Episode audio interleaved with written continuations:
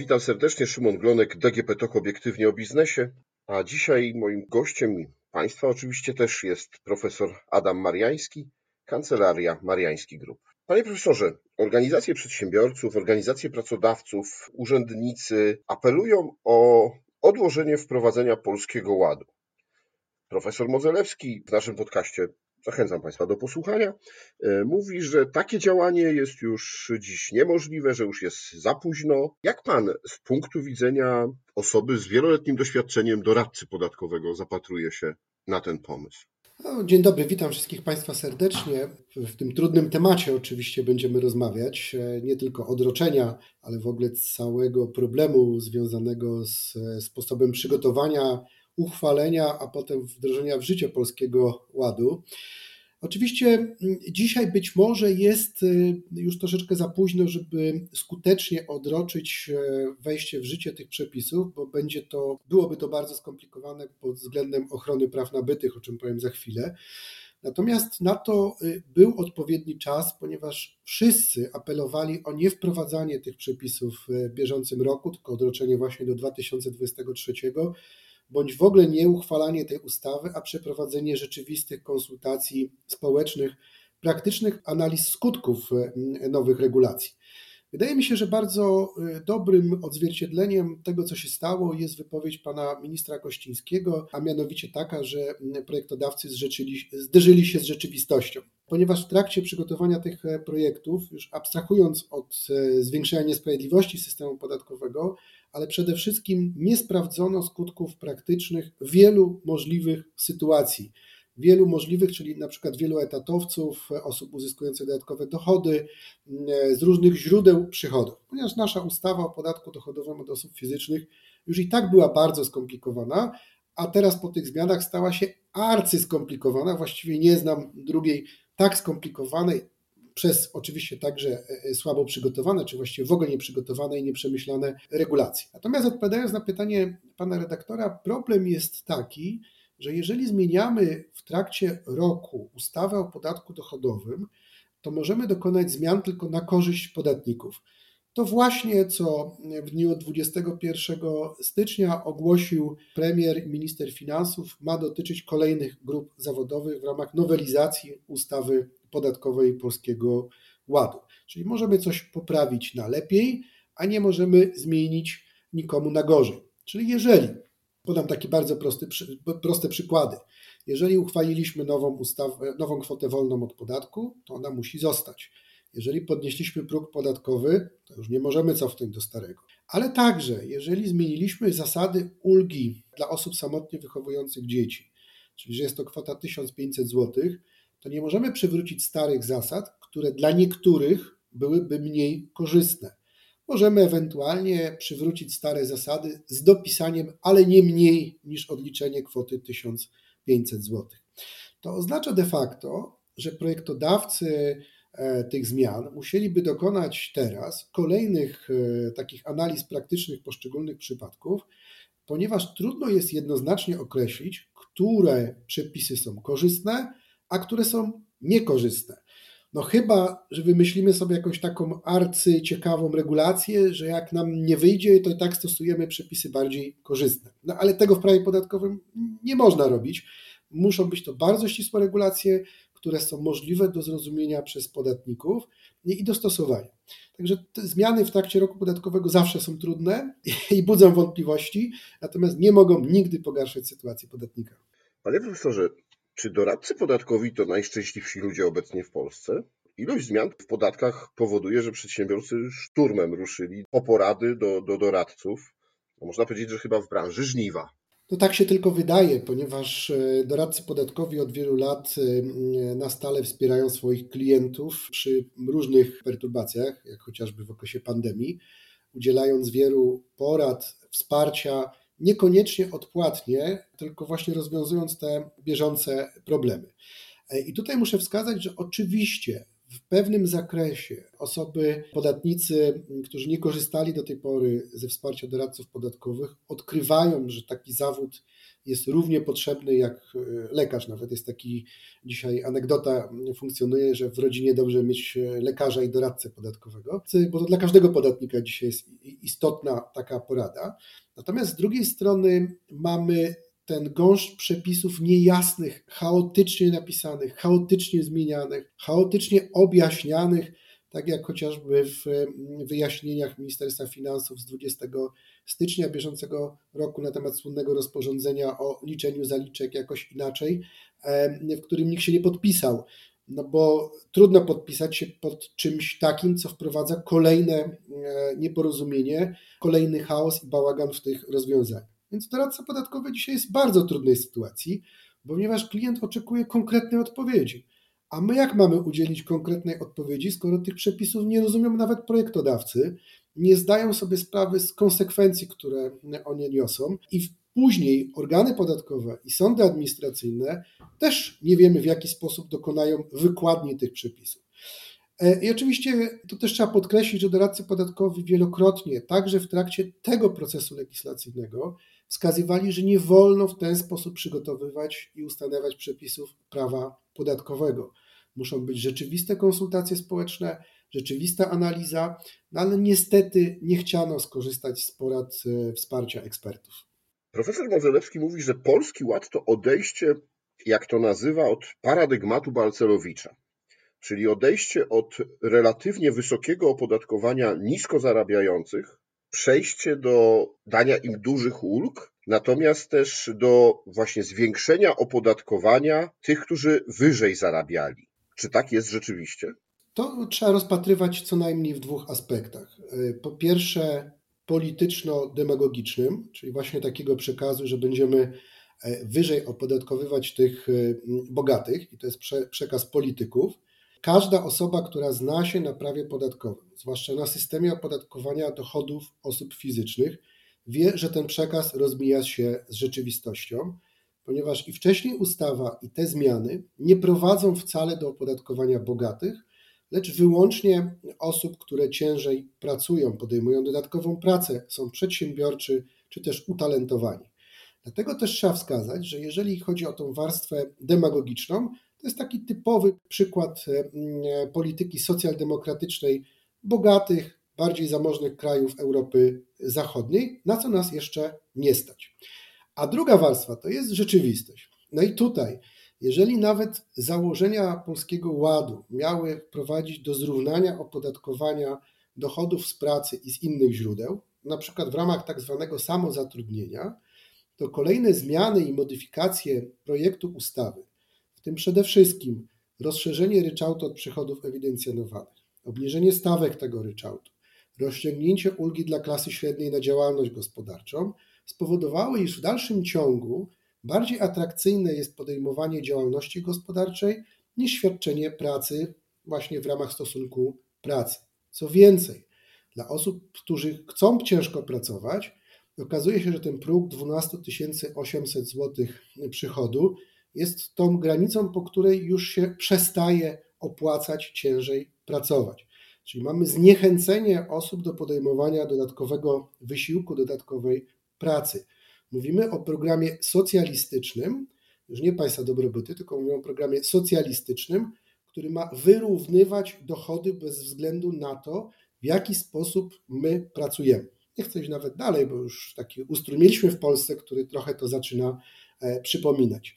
Dlatego też e, e, w warstwie wykonawczej okazuje się, że więcej osób będzie chciało podejmować teraz pracę w innych stosunkach zatrudnienia, czyli chociażby przez samozatrudnienie opodatkowane ryczałtem od przychodów ewidencjonowanych, niż zawierać umowę o pracę. Czyli te e, zapowiedzi, które słyszeliśmy w maju, rozjechały się kompletnie, a po kolejnych zmianach także ogłoszonych 21 stycznia, tym bardziej się zaczynają rozjeżdżać, jak wprowadzamy ulgę dla klasy średniej, również dla dochodów e, z działalności wykonywanej osobiście, czyli umów o dzieło, umów zlecenia.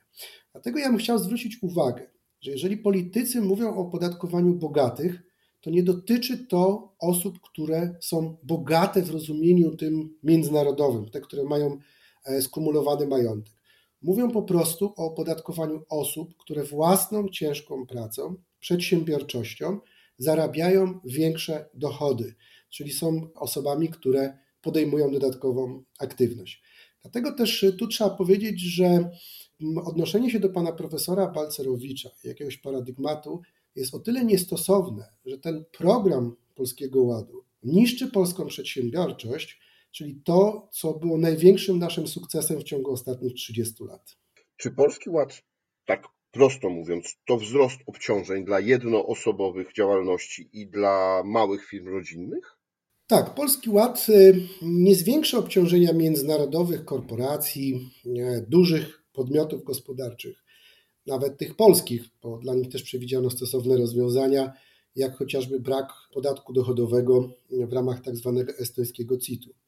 Najwięcej obciążeń będzie dotyczyło właśnie małych przedsiębiorców, nawet mikroprzedsiębiorców, e, prowadzących dotychczas działalność chociażby objętą kartą podatkową. Bo tu muszę Państwu e, jakby zasygnalizować, że o ile komunistom nie udało się zniszczyć najprostszej formy działalności gospodarczej, czyli tego rzemiosła, takiej działalności mikroprzedsiębiorców, która była opodatkowana kartą podatkową, to właśnie teraz to się dzieje na naszych oczach, bo już nowe osoby od tego roku nie będą mogły być objęte kartą podatkową, a stare decyzje powoli zaczną wygasać. Też zostały dokonane pewne modyfikacje w tym zakresie.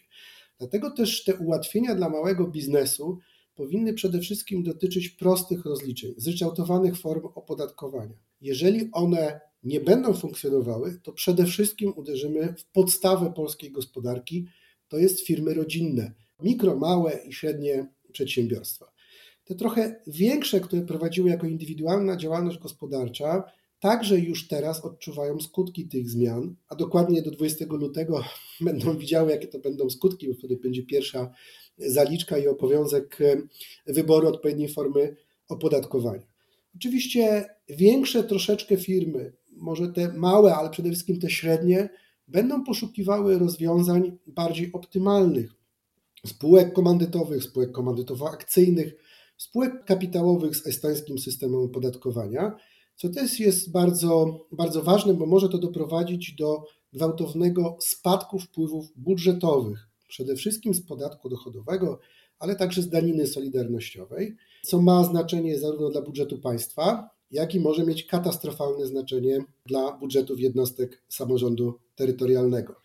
Dlatego też e, wydaje się, że ten program jest celowo napisany. On jest kolejnym przejawem centralizacji państwa, myślenia o dużych podmiotach, o centralizacji również w sferze wykonywania usług publicznych, czyli zamiast przez jednostki samorządu terytorialnego, to poprzez e, właśnie państwo i jego e, administrację, e, która również działa w terenie. Czy widzi Pan jakieś plusy, jakieś rozwiązania, które są oczekiwane przez przedsiębiorców albo były postulowane przez doradców podatkowych? To znaczy, w pewnym zakresie plusem jest e, podniesienie kwoty wolnej i progu podatkowego, bo te kwoty, zwłaszcza próg podatkowy, e, nie był waloryzowany od 2008 roku, czyli zarabialiśmy więcej, chociaż nominalnie mogliśmy mieć tyle samo, a płaciliśmy wyższe, wyższy podatek e, progresywny. Zwracam zresztą uwagę, że progresja podatkowa jest wyłącznie dla dochodów z pracy, działalności wykonywanej osobiście, a na przykład nie dla dochodów kapitałowych, chociażby z dywidend. Tutaj oczywiście nie mamy w pełni kwoty wolnej od podatku. To też jest troszeczkę populizm, ponieważ w ramach tej kwoty 30 tysięcy złotych płacimy podatek zwany składką na ubezpieczenie zdrowotne 9%, który przedtem w znacznej części odliczaliśmy od podatku. Czyli tak naprawdę nie ma wzrostu kwoty wolnej z 8 na 30 tysięcy, tylko jest zmniejszenie podatku z 17 na 9%. To samo dotyczy podniesienia progu podatkowego. Czyli tak naprawdę nie, nie, nie realizowany jest postulat waloryzacji tych, e, tej kwoty i tego progu, tylko jest to zwiększenie e, dlatego właśnie, aby uniknąć gwałtownej podwyżki e, obciążeń w tych pierwszych progach w wyniku wprowadzenia tej nieodliczalnej składki na ubezpieczenie e, zdrowotne. Dlatego tutaj trudno krzyczeć z radości, że zrealizowano postulat podniesienia e, tej kwoty i tego progu, bo znowuż jest to swego rodzaju manipulacja polityczna. No dobrze, ale mamy taką sytuację prawną, jaką mamy, chociaż nie do końca wiemy, jaka ona jest, pojawiają się nowe informacje o tym, że będą jakieś zmiany, jakieś uściślenia. Co prawda na razie tylko na konferencjach prasowych. Tu zobaczymy, co, co, co będzie w prawie. Ale jeśli dzisiaj przedsiębiorca przychodzi do Pana i pyta, co mam zrobić? Czy przejść na ryczałt? Czy zostać na podatku liniowym? Czy jednak właśnie podatki progresywne? To jak Pan sugeruje, jakie rozwiązania są najlepsze dla jednoosobowych działalności, dla niedużych firm rodzinnych? I tutaj trzeba zwrócić na to uwagę, abyście Państwo, mówię tutaj do naszych słuchaczy, nie przyjmowali informacji, które y, są publikowane w internecie, takie ogólne, jak gdyby, co się zmienia, jakie są wyliczenia. Otóż dla każdej działalności, czy to wykonywanej osobiście, czy działalności gospodarczej, możliwe są różne rozwiązania, które skutkują odmiennym opodatkowaniem. E, chciałbym na to zwrócić uwagę, bo to jest właśnie ta klasyczna niesprawiedliwość podatkowa, że ten sam dochód jest w różnej wysokości opodatkowany w zależności od tego, jaką formę prawną lub w jaki sposób rozliczenia podatku przyjmiemy. To, to jest, proszę Państwa, oczywiście sprzeczne z konstytucyjną zasadą sprawiedliwości e, podatkowej, chociażby z tego względu jest to zaprzeczenie założeń Polskiego Ładu o przywróceniu sprawiedliwości podatkowej. Niemniej, jak każdy z podatników popatrzy na swoje rozliczenia zeszłoroczne, e, przychody, koszty, dochód, to dla jednego będzie bardziej opłacalna skala podatkowa, dla drugiego będzie bardziej opłacalny podatek liniowy albo ryczałt od przychodów ewidencjonowanych. Ale pod warunkiem, że te założenia będą zgodne z rzeczywistością, czyli również w tym roku będą podobnie kształtowały się przychody, koszty czy dochód. Jeżeli to się zmieni, a wiemy, że gospodarka jest zmienna i też e, różne okoliczności mogą wystąpić w bieżącym roku, no to w efekcie może się okazać, że na końcu nasz wybór będzie błędny i zapłacimy wyższy podatek. I to chciałbym podkreślić. Podatek możemy zapłacić tylko dlatego wyższy, bo podjęliśmy złą decyzję, albo nie wiedząc, albo mając nie do końca e, e, sprawdzone kryteria, albo zmieniły się, zmieniła się sytuacja gospodarcza i właśnie dlatego, że podjęliśmy tą złą decyzję, płacimy podatek czasami kilka, kilka razy wyższy, niż gdybyśmy wybrali inną formę e, opodatkowania. Tutaj oczywiście dotyczy to przedsiębiorców, ale także osób na umowę o pracę, co już sygnalizowałem, które jakby chętniej, jeszcze, jeszcze chętniej uciekają na samozatrudnienie, bo taki podam bardzo prosty przykład. Informatyk na umowie o pracę może zapłacić nawet do 45% podatków i, składki zdrowotnej, plus jeszcze ZUS bardzo wysoki, a na ryczałcie od przychodów ewidencjonowanych będzie to między 12 a 13%, bo tam w zależności jakie będą te przychody, składka zdrowotna będzie się zmieniała. To jest czterokrotna różnica prawie. To znaczy, że tak jak ja podejmę swoje decyzje, będę płacił taki albo inny podatek w zależności od wybranej formy. I błąd w tej decyzji, nieświadomy albo spowodowany innymi okolicznościami, będzie mnie kosztował. To jest e, pułapka zastawiona na obywateli, na podatników. Niepewność prawna, e, brak możliwości przewidzenia naszych obciążeń podatkowych. To, proszę Państwa, jest e, klasyczny błąd w konstruowaniu ustaw o podatkach dochodowych. My powinniśmy być pewni, jaki podatek zapłacimy w jakiej wysokości z tego tytułu. I tu już nie mówię o kwestiach niejasności przepisów.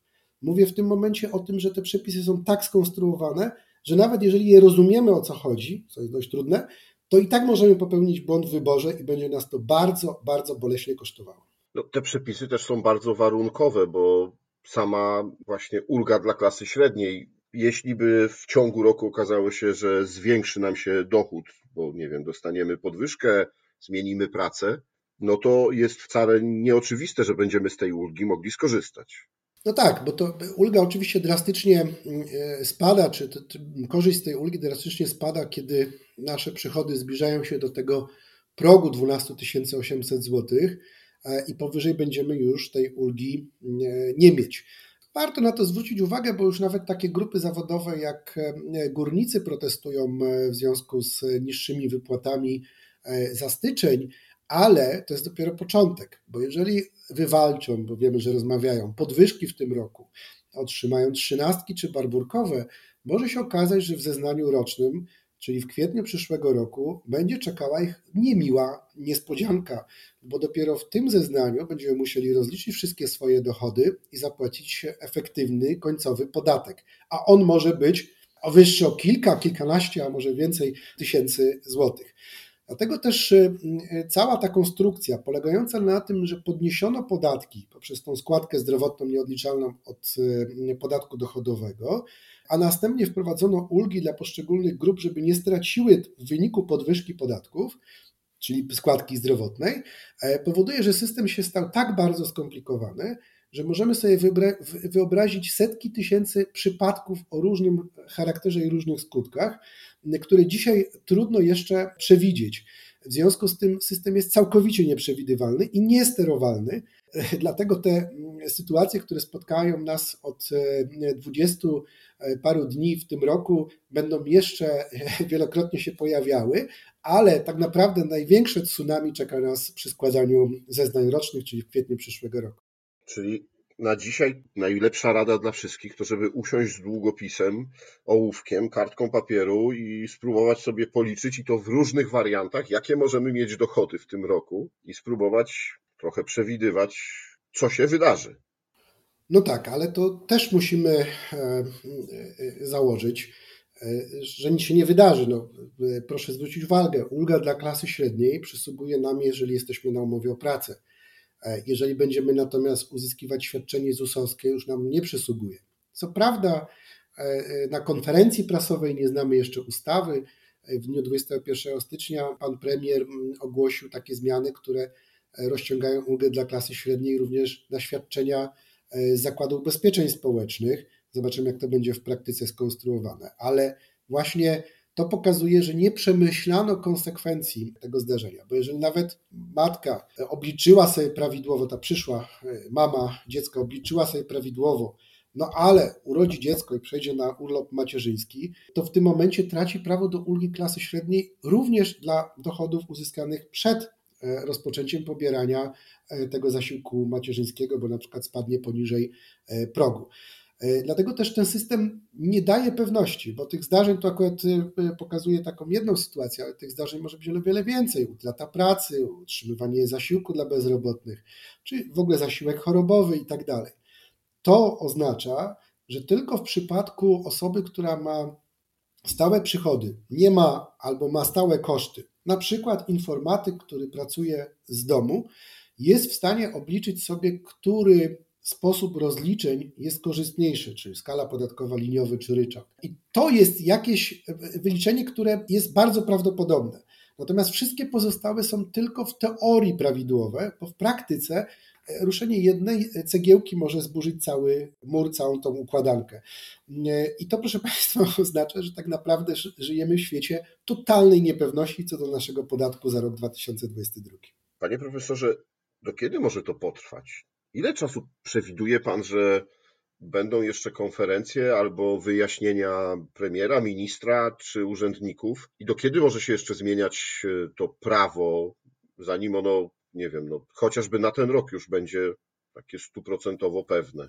No myślę, że to troszeczkę jeszcze może y, potrwać, y, bo y, w lutym czeka nas chociażby całe tsunami mm, w zakresie wyboru formy opodatkowania właśnie przez osoby fizyczne prowadzące działalność gospodarczą, ale w każdym kolejnym miesiącu mogą pojawiać się nowe zagadnienia, o których będziemy rozmawiać. Potem w przyszłym roku to rozliczenie, ale proszę Państwa, na koniec czeka nas jeszcze kwestia kontroli naszych rozliczeń, czyli następne 6 lat, gdzie organy podatkowe będą mogły to kontrolować. E, następnie sądy administracyjne będą rozstrzygały wątpliwości w taki lub w inny sposób, czyli tak naprawdę mm, te wszystkie wątpliwości, które dzisiaj mamy, mogą być ostatecznie e, rozwiązane, wyjaśnione za 10 lat, bo tyle mniej więcej trwa e, utrwalanie się jakiejś linii interpretacyjnej co do prawa podatkowego. A mamy tak dużo niejasności, że nie wiemy, w jaki sposób one będą rozstrzygane. No oczywiście, gdyby w Polsce była stosowana zasada rozstrzygania wątpliwości na korzyść podatnika, no to byłoby to o wiele łatwiej. Panie profesorze, jak Polski Ład wpłynie na gospodarkę w 2022 roku? Czy przedsiębiorcy, nie wiem, będą wstrzymywać się z inwestycjami, obawiając się jakichś niejasnych interpretacji? Czy no właśnie działania w firmach mogą być takie zapobiegawcze, żeby przypadkiem nie narazić się na jakieś niekorzystne interpretacje, na zapłacenie jakiegoś podatku, który no, źle wpłynie na kondycję firmy? No, w pierwszej kolejności no, y, przedsiębiorcy y, będą y, rozpatrywać wzrost kosztów prowadzenia działalności, także związanych z Polskim Ładem, w dwóch przynajmniej aspektach, no bo rośnie ich opodatkowanie, ale także rośnie opodatkowanie kosztów pracy. W związku z tym to może wpływać przede wszystkim na podniesienie cen produktów i usług, czyli po raz kolejny może być czynnikiem, który zwiększy inflację, a ponadto E, skoro mamy płacić wyższe e, podatki, to wstrzymamy inwestycje do czasu, kiedy to się ustabilizuje, będziemy wiedzieć, jak wygląda e, ta sytuacja. A to oznacza de facto, że bardzo długo będziemy odbudowywać mm, inwestycje prywatne w gospodarce, no bo musi być to pewność prawa i otoczenia gospodarczego, żeby właśnie móc inwestować nasze dochody już po opodatkowaniu w nowe przedsięwzięcia.